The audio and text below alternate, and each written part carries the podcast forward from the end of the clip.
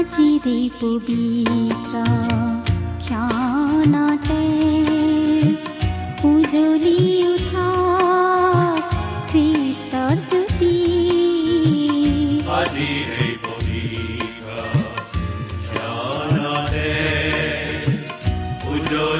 উঠা খ্ৰীষ্টৰ জ্যোতি প্ৰভু যীশু খ্ৰীষ্টৰ নামেৰে ভক্তিবচন অনুষ্ঠানৰ তৰফৰ পৰা আপোনালৈ অভিনন্দন জনাইছো প্ৰিয় শ্ৰোতা। তুমি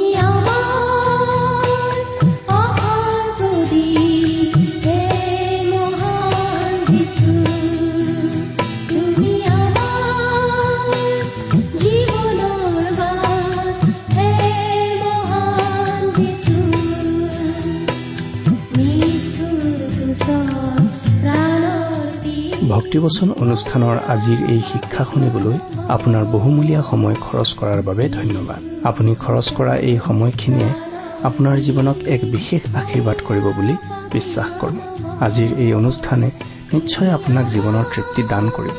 এই অনুষ্ঠানৰ শিক্ষাসমূহে আপোনাক আত্মিক আৰু পাৰিবাৰিক সকলো অৱস্থাতেই সহায় কৰিব বুলি আশা কৰিছো। আমাৰ বিশ্বাস প্ৰভু যীশুৰ বাণীসমূহে আপোনাক প্ৰচুৰ জীৱনৰ সোৱাদ দিব পাৰে। তেওঁৰ বাক্যই আপোনাক জীৱনৰ সকলো পৰিস্থিতিত থিৰে থাকিবলৈ আৰু উন্নতিৰ পথেৰে অগ্ৰসৰ হ'বলৈ সহায় কৰিব। ঈশ্বৰৰ এই বাক্যৰে আপুনি যেন প্ৰতিদিন আত্মিকভাৱে অধিক বলৱান আৰু পাৰিবাৰিক শান্তিৰ জীৱন যাপন কৰিব পাৰে তাৰেই কামনা কৰিছো। এই কামনাৰে আপোনালৈ আগবঢ়াইছো বাইবেলৰ শিক্ষামূলক অনুষ্ঠান ভক্তিবচন।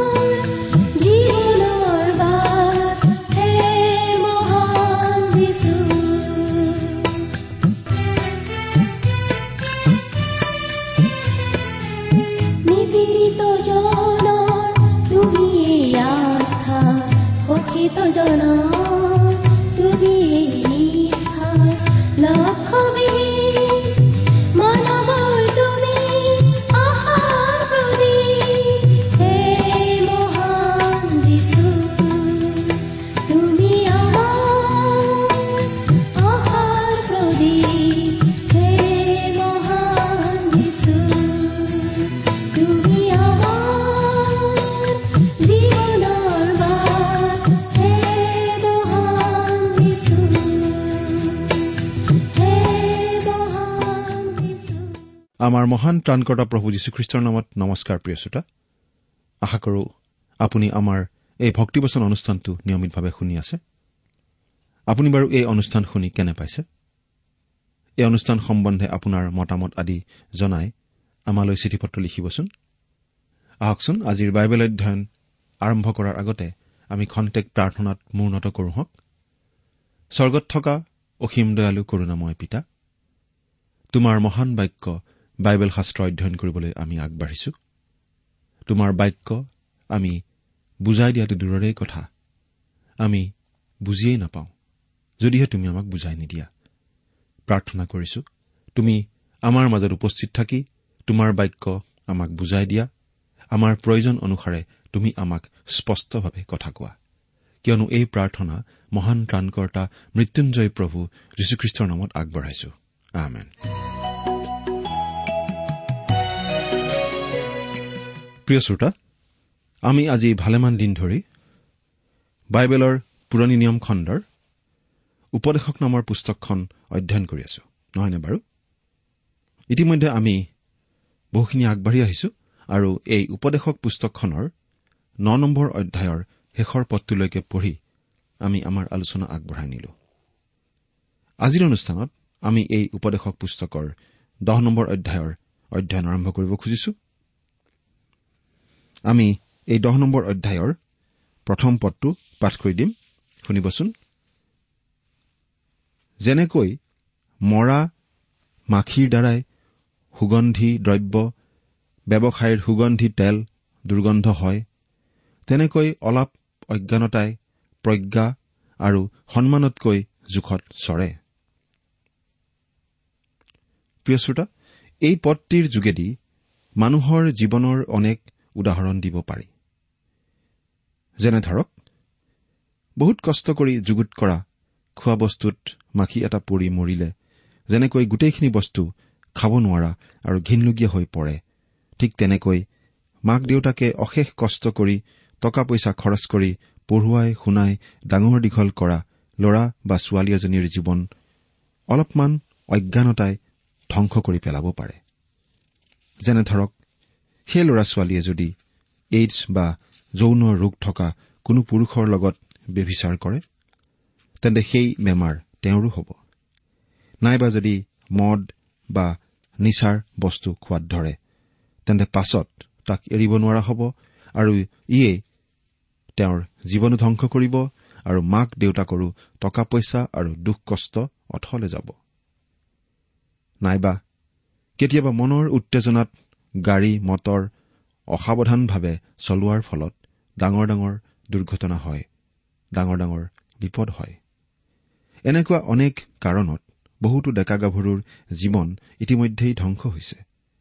এইবিলাকেই হ'ল অলপ অসাৱধানতাৰ কাৰণ। গতিকে অলপ অসাৱধানতাই যাতে আপোনাৰ আৰু পিতৃ মাতৃৰ ইমানবোৰ চেষ্টা কষ্ট টকা পইচা আশা আকাংক্ষা অথলে নিয়াব নোৱাৰে তাৰ প্ৰতি সাৱধান হওক। আজিৰ ডেকা গাভৰুসকলৰ বাবে এইটো পৰম গুহাৰি।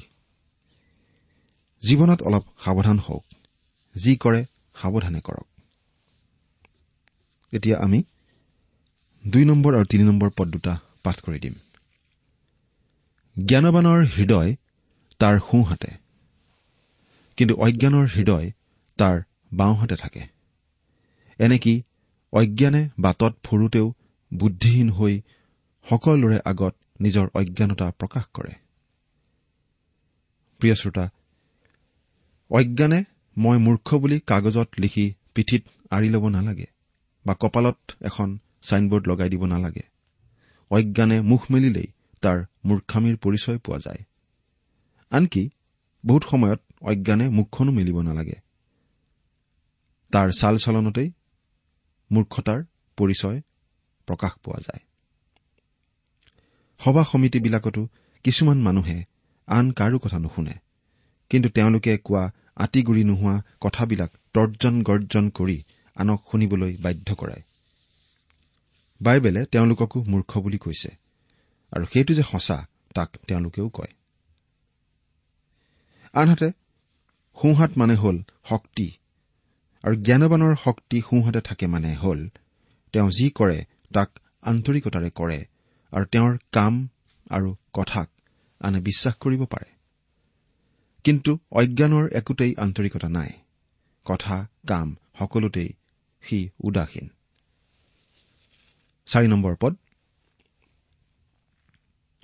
যদি তোমালৈ শাসনকৰ্তাৰ ক্ৰোধ হয় তথাপি তোমাৰ ঠাই ত্যাগ নকৰিবা। কিয়নো ধৈৰ্যই বৰ বৰ পাপ থমায় ইয়াত কোৱা হৈছে শাসনকৰ্তাৰ বিৰুদ্ধে যুদ্ধ কৰিবলৈ আপোনাৰ যদি ক্ষমতা নাথাকে তেন্তে কাজিয়া নকৰিব। আপুনি শাসনকৰ্তাৰ ক্ৰোধ দেখি সেই ঠাই এৰি পলাবও নালাগে। কিয়নো আপুনি যদি ধৈৰ্য ধৰে তেতিয়াহ'লে হয়তো পৰিস্থিতি খাম কাটিব। পাঁচ আৰু ছয় নম্বৰ পদ। মই সূৰ্যৰ তলত অধিপতিৰ পৰা উৎপন্ন হোৱা ভ্ৰান্তি যেন এক বিষম বিষয় দেখিলো যে অজ্ঞানক অতি ওখ পদত স্থাপন কৰা হয় আৰু ধনৱন্তবিলাক নিহ ঠাইত বহে। কথাটো চিন্তা কৰি চাওকচোন প্ৰিয় শ্ৰোতা। আজি আমি যিটো যুগত বাস কৰিছো আমি যেনেকুৱা দিনত বাস কৰিছো এই কথা একেবাৰে সত্য বুলি প্ৰমাণিত হৈ থকা নাইনে? তাৰমানে পাপ কাৰ্যবিলাকক আজিকালি মানুহে মৰ্যাদা দিবলৈ লৈছে। বা সেইবোৰ পাপ বুলি তেওঁলোকে নভবা হৈছে। আগতে এনে এটা সময় আছিল যেতিয়া পাপ কাৰ্যক হীন আৰু ঘৃণাৰ চকুৰে চাইছিল। তেনে কাৰ্যক মানুহে বেয়া পাইছিল আৰু গৰিহণা দিছিল। কিন্তু আজিকালি পাপ কৰি মানুহে ভাল পায় আৰু লাজ পোৱাৰ পৰিৱৰ্তে তাকে লৈ মানুহে গৰ্ব কৰে। মানুহেও ইয়াক মৰ্যাদা দিয়ে আৰু সেইকাৰণে পাপে সমাজত খোপনি পুতি লৈছে। তাৰ প্ৰমাণ হ'ল আমাৰ দূৰদৰ্শনৰ অনুষ্ঠান চিনেমা ইত্যাদি ইত্যাদি। এগৰাকী বিখ্যাত বাইবেল শিক্ষকে এনেদৰে কৈছে টিভিত এবাৰ এজনী গাভৰুৰ সাক্ষাৎকাৰ লোৱা হৈছিল আৰু ৰাতিৰ ক্লাবত তাই কেনেকৈ নিজৰ কাপোৰবোৰ সুলুকাই সেইবিলাক দেখুওৱা হৈছিল। আজিকালি চিনেমা বা মনোৰঞ্জনৰ অনুষ্ঠানবিলাক এনেদৰে প্ৰস্তুত কৰা হয় যাতে সেইবিলাকলৈ ডেকা গাভৰুসকল সহজে আকৰ্ষিত হ'ব পাৰে আৰু সেইবিলাক চাই উত্তেজিত হ'ব পাৰে। আৰু এইবিলাকে আজি আমাৰ সমাজত জনপ্ৰিয়তা লাভ কৰিছে সমাদৰ লাভ কৰি আহিছে। তদুপৰি আমি সমাজত এইটোও দেখা পাওঁ যে তেনেকুৱা অনৈতিকতাৰ কাম কৰা মূৰ্খ অজ্ঞানীবোৰেই সমাজত ডাঙৰ ডাঙৰ আসন পায়। আনহাতে জ্ঞানী লোকে সমাজত অতি তলৰ আসন পায়। সমাদৰ তেওঁলোকৰ নাই। পদ। মই দাসক ঘোঁৰাত উঠি যোৱা আৰু অধিপতিক দাসৰ দৰে মাটিত খোজকাঢ়ি যোৱা দেখিলো। প্ৰিয় শ্ৰোতা কঠোৰ পৰিশ্ৰম কৰি ভালদৰে পঢ়া শুনা কৰি নৈতিকতাৰে সফলতা লাভ কৰিম বুলি নিশ্চিত হ'ব পৰা যুগ আজি আৰু নাই। এই কথা বহুতে কয়। আপোনালোকৰ চকুৰ আগত থকা দুষ্ট এজনে হয়তো বিনা পৰিশ্ৰমে আপোনাৰ আগতেই অতি ডাঙৰ মানুহ হ'ব পাৰে। আপুনি খোজকাঢ়ি গৈ থাকোতে তেনেকুৱা দুষ্ট লোকে ধূলি উৰুৱাই আপোনাৰ কাষেদি গাড়ীৰে পাৰ হৈ গুচি যাব। এনে যুগ আহিছে। সেইকাৰণে চলোমন ৰজাই কৈছে মই দাসক ঘোঁৰাত উঠি যোৱা দেখিলো। এৰা আমিও দেখি আছো।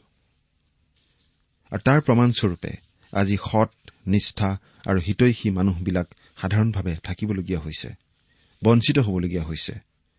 ডাঙৰ ডাঙৰ অট্টালিকা গাড়ী ঘোঁৰা তেওঁলোকৰ নাথাকে। সমাজতো তেওঁলোকৰ বিশেষ মান মৰ্যাদা আৰু নাই। আৰু বেছিভাগ মানুহে তেওঁলোকক চিনিয়েই নাপায়। তেওঁলোক প্ৰকৃততে নৈতিকতাৰ অধিপতি কিন্তু তেওঁলোক থাকিব লগা হয় সাধাৰণ দাসৰ নিচিনাকৈ। অজ্ঞাতভাৱে থাকিবলগীয়া হয় সমাজৰ পৰা তেওঁলোকে পাবলগীয়া সন্মানখিনিও নাপায়। এইটো নিশ্চয় দুখৰ কথা। গোটেই সমাজখনৰ অৱক্ষয়ৰ চিন। আঠ নম্বৰ পদ। যি মানুহে খাল খানে সি তাত পৰিব। আৰু যি মানুহে শিলৰ গড় ভাঙে তাক সাপে দংশিব। প্ৰিয় শ্ৰোতা পাপ কৰি আপুনি যিমানেই ধনী মানি বা মহান নহওক কিয়? যিমানেই বিখ্যাত বা শক্তিশালী নহওক কিয়? পাপৰ প্ৰতিফল যদি আপুনি নাপায় বুলি ভাবি থাকে তেন্তে সেয়া বৰ ডাঙৰ মূৰ্খামীৰ কথা হ'ব। সেই পাপৰ প্ৰতিফল যদি আপুনি লগে লগে পোৱা নাই তেন্তে পিছত এদিন হলেও পাব বুলি আপুনি নিশ্চিতভাৱে জানিব পাৰিব। আজিকালি বহুতো খ্ৰীষ্টিয়ান মানুহেও পাপ কৰি নিশ্চিন্ত মনেৰে থাকিব পাৰে। ঈশ্বৰে কিন্তু তাৰ চিন্তা নকৰাকৈ থকা নাই। ন নম্বৰ পদ। যি মানুহে শিলবোৰ আঁতৰাই সি সেইবোৰতেই দুখ পাব। আৰু যি মানুহে কাঠ ফালে তাত তালৈ আপদ ঘটিবৰ ভয় থাকে। প্ৰিয় শ্ৰোতা শিল আঁতৰোৱা মানে সেই সময়ত মাটিৰ সীমা লৰোৱা কথাটো বুজোৱা হৈছে। সেই সময়ত মানুহবোৰে নিজৰ মাটিৰ সীমা নিৰ্ধাৰণ কৰিবলৈ শিল ব্যৱহাৰ কৰিছিল। শিলৰ খুটি পুতি বা শিল ৰাখি নিজৰ নিজৰ সীমা তেওঁলোকে চিনাক্ত কৰি ৰাখিছিল। শিল আঁতৰোৱা মানে বেলেগৰ মাটি জোৰকৈ দখল কৰি লোৱাটো বুজোৱা হৈছে। আৰু বাইবেলত এইটো এটা পাপ কাম বুলি আমাক বাৰে বাৰে সোঁৱৰাই দিয়া হৈছে। আৰু যদিহে এইটো এটা পাপ কাম এই পাপ কামৰ প্ৰতিফলো ঈশ্বৰে এদিন দিব। এই ক্ষেত্ৰত ঈশ্বৰেও কৈছে প্ৰতিফল দিয়াটো মোৰ কাম ময়েই প্ৰতিফল দিম।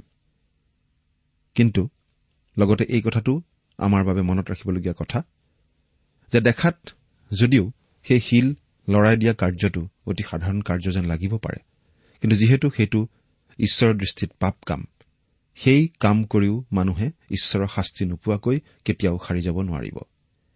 যিকোনো ধৰণৰ পাপ সৰু ডাঙৰ যেনেকুৱা পাপেই নহওক কিয় পাপ কৰি তাৰ প্ৰতিফল মানুহে পাবই।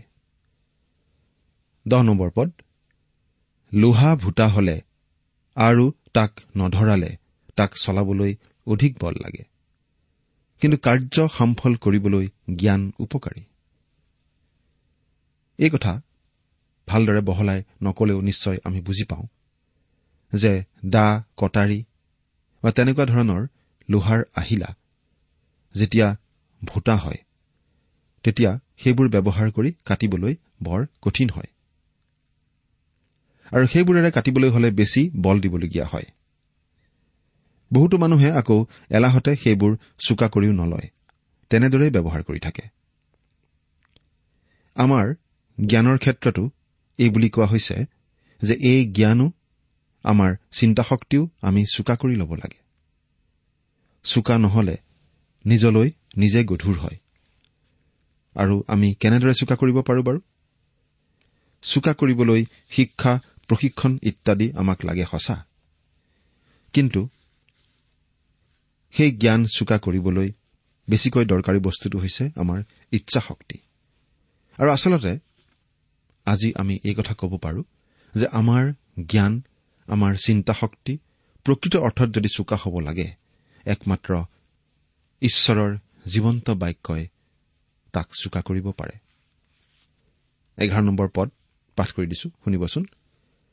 মন্ত্ৰৰ গুণ নৌ ধৰোতেই যদি সাপে দংশে তেন্তে মন্ত্ৰ গাওঁতাত কোনো লাভ নাই।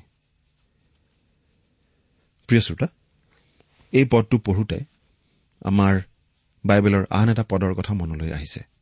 সেই পদটো হৈছে গীতমালা আঠাৱন্ন নম্বৰ গীতৰ চাৰি নম্বৰ পদ আৰু লগতে পাঁচ নম্বৰ পদটো আমি চাওঁ তাত এনেদৰে লিখা আছে।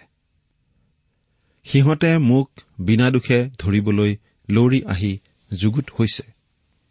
সিহঁতৰ বিষ সাপৰ বিষৰ নিচিনা। যি কালসৰ্পই নিজ কাণ বন্ধ কৰি। যাদুকৰবিলাকৰ নিপুণকৈ মন্ত্ৰ গাওঁতাজনৰ স্বৰ নুশুনে সিহঁত সেই সৰ্পৰ নিচিনা। এই একে কথা আমি জিৰিমিয়া পুস্তকৰ আঠ নম্বৰ অধ্যায়ৰ সোতৰ নম্বৰ পদতো এনেদৰে পাওঁ। কিয়নো মই তোমালোকৰ মাজলৈ মন্ত্ৰ নমনা কালসৰ্পবোৰ পঠাম। ঈশ্বৰে কৈছে সেইবোৰে তোমালোকক দংশিব। আমি আটাইয়ে বেজ বা ওজাৰ বিষয়ে জানো। তেওঁলোকে সাপক আকৰ্ষণ কৰিবলৈ এক ধৰণৰ পেপা বজায়। আৰু সেই পেপাৰ মাতত সেই পেপাৰ শব্দত সাপেও এক বিশেষ ধৰণৰ নাচ কৰে। পেপা বজাই থকালৈকে সাপটোৱেও নাকামোৰে। সেইবুলি যিমান বজায় সিমান সাপটোৱে হয়তো নুশুনিব পাৰে। আচলতে সাপে নুশুনে। দেখাতহে আমাৰ তেনেকুৱা লাগে। অৱশেষত সেই সাপে কামুৰিব পাৰে। আৰু সাপে কামুৰিলেই মৰণ। কিন্তু আমি ভাবো যে এই পদটিত কালসৰ্প মানে ঠিক সৰ্পক বুজোৱা নাই। কিন্তু মানুহক বুজোৱা হৈছে যিয়ে সুবিধা পালে মানুহক ঠগিব আৰু প্ৰবঞ্চনা কৰিব পাৰে। উদাহৰণ হিচাপে আমি ইস্কৰিতীয়া যীহুদাৰ কথাই চাব পাৰো। এই ইস্কৰিতীয়া যীহুদা আছিল প্ৰভু যীশুৰ এনেকুৱা এজন শিষ্য। শেষকালত আহিবলগীয়া খ্ৰীষ্টাৰীও একে হ'ব। সেই খ্ৰীষ্টাৰীয়ে ইছৰাইল জাতিক প্ৰবঞ্চনা কৰিব আৰু আহিব মহাক্লেশৰ কাল। প্ৰিয় শ্ৰোতা আজিকালি আমাৰ খ্ৰীষ্টিয়ানৰ সমাজতো সাপৰ দৰে কিছুমান মানুহ ওলাইছে। তেওঁলোক দেখাত বৰ ভাল হ'ব পাৰে। কিন্তু সুবিধা পালেই আমাক কামুৰিব। লাগিলে আমি যিমানেই ভাল নহওঁ কিয়? এনেকুৱা অভিজ্ঞতা ডায়ুদ ৰজায়ো তেওঁৰ জীৱনত পাইছিল। আপুনি হয়তো ইতিমধ্যেই পঢ়ি আহোঁতে মনত ৰাখিছে যে অহিথুফল নামৰ ডায়ুদৰ এজন পৰম বন্ধু আৰু প্ৰধান মন্ত্ৰণাদাতা আছিল। তেওঁ ডায়ুদৰ ভিতৰৰ আৰু বাহিৰৰ সকলোবিলাক কথা জানিছিল। তেওঁৰ ওপৰত ডায়ুদে বিশ্বাস ৰাখিছিল। সম্পূৰ্ণ বিশ্বাস ৰাখিছিল। কিন্তু ডায়ুদৰ পুত্ৰ অবছালোমে যেতিয়া ডায়ুদৰ বিৰুদ্ধে বিদ্ৰোহ ঘোষণা কৰিছিল তেতিয়া ডায়ুদৰ বিশ্বস্ত সেই অহিথুফল অবছালোমৰ ফলীয়া হৈছিল আৰু ডায়ুদক মাৰিবলৈ তেওঁ চেষ্টা কৰিছিল। সেই সময়ত ডায়ুদ এজন মহান ৰজা আছিল। কিন্তু পুতেক অবছালোমৰ সেই বিদ্ৰোহৰ কাৰণে তেওঁ সৰ্বহাৰা হৈ ভাগি পৰিছিল। তেওঁ ৰাজধানী এৰি গুচি যাবলগীয়া হৈছিল। তেওঁৰ দুখৰ কথা আমি গীতমালা পঁচপন্ন নম্বৰ গীতটোত পঢ়িবলৈ পাওঁ। সেইকাৰণে ৰজা চলোমনে কৈছে যে আমি নিজৰ ক্ষেত্ৰত সদায় সাৱধান হ'ব লাগে। তথাকথিত জনহিতৈষী আৰু মংগলকাৰীসকলৰ ক্ষেত্ৰতো আমি সাৱধান হ'ব লাগে। ভিতৰত কাল সৰ্পৰ বিষ থকা মানুহে ভাল কথা কলেও পতিয়ন যাব নালাগে। আনহাতে তেওঁলোকক যধে মধে আক্ৰমণ কৰিবও নালাগে। কাৰণ অভিজ্ঞতাৰ পৰা গম পোৱা গৈছে যে আক্ৰমণকাৰীক তেওঁলোকে বৰ নিষ্ঠুৰ শাস্তি দিবলৈও কুণ্ঠাবোধ নকৰে। জ্ঞানবান লোকৰ মুখৰ বাক্য সন্তোষজনক কিন্তু অজ্ঞানৰ ওঠে নিজকে গ্ৰাস কৰে। ইয়াত ইয়াকে কোৱা হৈছে যে মূৰ্খ নিজৰ কথাতেই মৰে আৰু আনকো মাৰে। সেইকাৰণে বন্ধু বাছনি কৰিবলৈ লওঁতে আমি সাৱধান হ'ব লাগে। মূৰ্খৰ লগত আমি বন্ধুত্ব পাতিব নালাগে। কিন্তু বন্ধু লাগে। বন্ধু অবিহনে জীৱন উল্লাসিত নহয়। কিন্তু আমি চাব লাগে যাতে আমাৰ বন্ধুজন মূৰ্খ নহয়। আমাৰ ল'ৰা ছোৱালীবিলাক স্কুল কলেজত পঢ়োতে যিসকল বন্ধু বান্ধৱী তেওঁলোকে লগ পায় তেওঁলোকক গোটেই জীৱনত পাহৰা নাযায়। সেইকাৰণে তেওঁলোকৰ লগত বন্ধুত্ব স্থাপনৰ ক্ষেত্ৰত আমি অতি সাৱধান হ'ব লাগে। কাৰণ একেলগে পঢ়া শুনা কৰা সহপাঠীসকল বৰ প্ৰিয় হলেও তাৰ মাজত দুই এজন কালসৰ্পৰ দৰেও থাকিব পাৰে। তেৰ আৰু চৈধ্য নম্বৰ পদ। যাৰ মুখৰ কথাৰ আৰম্ভণি অজ্ঞানতা আৰু তাৰ কথাৰ শেষ ফল অনিষ্টকাৰী বলিয়ালি। অজ্ঞান লোকে অনেক কথা কয় কিন্তু আগলৈ কি হ'ব তাক মানুহে নাজানে। আৰু তাৰ পাছৰ কালত কি ঘটিব ইয়াকে তাক কোনে জনাব পাৰে? এই কথাটো একেবাৰে সঁচা। মেল মিটিং হলে তাত বহুতো মানুহ থাকে যদিও তাৰ ভিতৰত এজনে বৰ ডাঙৰ ডাঙৰ মাতেৰে কথা কবলৈ ধৰে। আৰু পাছত সকলোকে চেৰ পেলাই সি যিটো কয় সেইটোৱেই সত্য বুলি মানিবলৈ সকলোকে বাধ্য কৰায়। সেই সময়ত কোনো জ্ঞানবানে সু পৰামৰ্শ দিলেও তেওঁৰ কথা মানি লোৱাৰ পৰিৱৰ্তে তেওঁক ওলোটাই আক্ৰমণহে কৰে। তেনেকুৱা মূৰ্খ মানুহৰ পৰাও আমি আঁতৰি থাকিব লাগে। পোন্ধৰ আৰু ষোল্ল নম্বৰ পদ। অজ্ঞান লোকৰ পৰিশ্ৰমে সিহঁত প্ৰতিজনকেই ক্লান্ত কৰে। কিয়নো নগৰলৈ যোৱা বাটকো তেওঁ চিনি নাপায়। হে দেশ তেতিয়া তোমাৰ ৰজা ল'ৰা মানুহ হয় আৰু তোমাৰ অধ্যক্ষবিলাকে ৰাতিপুৱাতে ভোজ খায় তেতিয়া তোমাৰ সন্তাপ হ'ব। প্ৰিয় শ্ৰোতা মূৰ্খই চহৰৰ আলিবাটত ফুৰিব জনাটো দূৰৈৰ কথা সি বৰষুণৰ পৰাও ভালদৰে আঁতৰি আহিব নাজানে। আনহাতে দেশৰ শাসকসকল যদি দেশ আৰু জনগণৰ প্ৰতি চিন্তিত হোৱাৰ পৰিৱৰ্তে খোৱা বোৱা লাহ বিলাহ আমোদ প্ৰমোদ ইত্যাদিত মতলীয়া হয় তেন্তে দেশৰ উন্নতি কেতিয়াও নহয়। বৰং সেই দেশ ৰসাতলে যাব। সোতৰ নম্বৰ পদ। হে দেশ যেতিয়া ভদ্ৰবংশীয় পুত্ৰ তোমাৰ ৰজা হয় আৰু তোমাৰ অধ্যক্ষবিলাকে মতলীয়া হবৰ নিমিত্তে নহয় কিন্তু বল বৃদ্ধিৰ নিমিত্তে উচিত সময়ত ভোজন পান কৰে তেতিয়া তুমি ধন্য। আজি আমাৰ দেশত নিচাজাতীয় ড্ৰাগছৰ বিৰুদ্ধে বেছি প্ৰচাৰ কাৰ্য চলোৱা দেখা যায়। কিন্তু হলেও ড্ৰাগছতকৈ মদৰ ভয়াৱহতা বেছি আৰু ই দেশৰ প্ৰধান সমস্যা হৈ পৰিছে। কাৰণ ড্ৰাগছ সেৱন কৰাতকৈ মদ পান কৰা মানুহৰ সংখ্যা অতিপাত বেছি। ড্ৰাগছ সেৱনকাৰীৰ সংখ্যা উলিয়াব পৰা হৈছে কিন্তু মদ খোৱাৰ সীমা সংখ্যা নাই। দেশৰ শাসকসকলো বহি যদি মদ খোৱাত লাগি যায় আৰু দেশৰ গভীৰ বিষয়বিলাক আলোচনা কৰোতেও যদি মদ খাইহে আলোচনা কৰে তেন্তে দেশৰ কি উন্নতি হ'ব? ওঠৰ নম্বৰ পদ। এলাহৰ দ্বাৰাই ছাল সৰুপা পৰে আৰু সৰুপালিত ঘৰ উৰুখে। প্ৰিয় শ্ৰোতা এইবিলাক এলেহুৱা মানুহৰ পৰিচয়। কাম নকৰাকৈ থাকিবলৈ ভাল পোৱা মানুহ আমাৰ মাজত নিশ্চয় বহুত আছে। অলপ কাম কৰি বেছি আনন্দ কৰিবলৈ চেষ্টা কৰা মানুহৰ এই দশা হয়। ঊনৈছ আৰু বিশ নম্বৰ পদ আমোদৰ কাৰণে ভোজ পতা হয় আৰু দ্ৰাক্ষাৰসে জীৱনক হৰ্ষিত কৰে আৰু ধন সৰ্বসাধক। ৰজাক সাও নিদিবা মনে মনেও নিদিবা। আৰু তোমাৰ শোৱা কোঠালিতো ধনীক সাও নিদিবা কিয়নো আকাশৰ এটি চৰায়ে সেই শব্দ লৈ যাব। ডেউকা লগা জীৱই সেই কথা জনাব। আজিকালি মেল মিটিংবিলাকত ডাঙৰ ডাঙৰ মানুহবিলাকে ভাষণ দিয়া শুনো আৰু ভাষণত তেওঁলোকে জনকল্যাণ উদাৰতা ইত্যাদিৰ কথা কয়। কিন্তু সেইবিলাক আঁচনি ৰূপায়ণ কৰিবলৈ নিজৰ ধন সম্পত্তি এৰি নিদিয়ে। সেইবুলি তেওঁলোকৰ বিৰুদ্ধে আমি সততে মাত মতা উচিত নহয়। নাইবা ঘৰৰ ভিতৰত ল'ৰা ছোৱালীৰ আগতো অভিশাপ নিদিব দিলে আপোনাৰ বিপদ হ'ব। কাৰণ আকাশৰ চৰাই আৰু বেৰেও সেই কথা প্ৰচাৰ কৰি দিব বুলি কৈছে। আচলতে ইয়াত এইটো কথাই কোৱা হৈছে যে আমি অতি সাৱধান হ'ব লাগে জ্ঞানীৰ নিচিনাকৈ চলিব লাগে। মুঠতে এই জীৱনত সকলোফালে বিপদ। কিন্তু একমাত্ৰ প্ৰভু যীশুখ্ৰীষ্টত আশ্ৰয় লোৱা লোকসকলহে নিৰাপদ। কাৰণ প্ৰভু যীশুখ্ৰীষ্টই তেওঁলোকক নিৰাপদে চলিবলৈ সেই জ্ঞান সেই বুদ্ধি সেই সামৰ্থ্য দিব পাৰে। সেই প্ৰভু যীশুখ্ৰীষ্টক আপুনি চিনি পাইছেনে? তেওঁ গ্ৰহণ কৰিছেনে?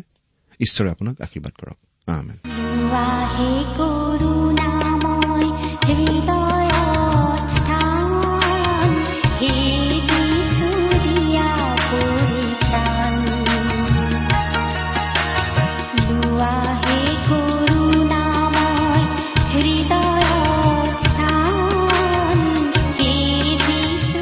ইমান পৰে আপুনি ঈশ্বৰৰ বাক্যৰ পৰা শিক্ষা শুনিলে। এই বিষয়ে আপোনাৰ মতামত জানিবলৈ পালে আমি নথৈ আনন্দিত হ'ম।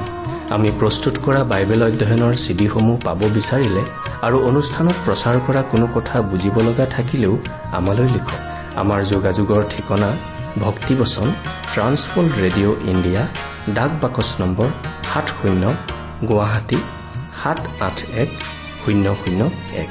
ঠিকনাটো আকৌ এবাৰ কৈছো ভক্তিবচন ট্ৰান্সৱৰ্ল্ড ৰেডিঅ' ইণ্ডিয়া ডাক বাকচ নম্বৰ সাত শূন্য গুৱাহাটী সাত আঠ এক শূন্য শূন্য এক।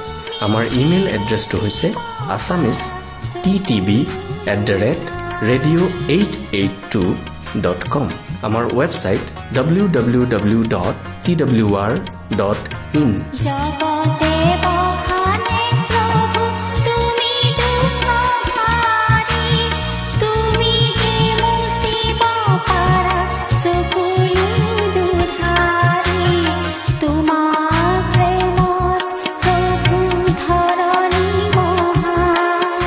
আপুনি টেলিফোনৰ মাধ্যমেৰেও আমাক যোগাযোগ কৰিব পাৰে। আমাৰ টেলিফোন নম্বৰটো হৈছে nine eight five four zero' four zero' eight eight nine. Phone নম্বৰটো আকৌ এবাৰ কৈছো ন আঠ পাঁচ চাৰি শূন্য চাৰি শূন্য আঠ আঠ ন। আপুনি এই ভক্তিবচন অনুষ্ঠানটি আমাৰ website W W W dot radio' eight eight two dot কমতো শুনিব পাৰিব। আজিৰ অনুষ্ঠানটি ইমানতে সামৰিছো।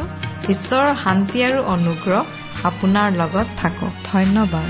পাপৰ কালি লগা যিখনি ধৰণি পাপৰ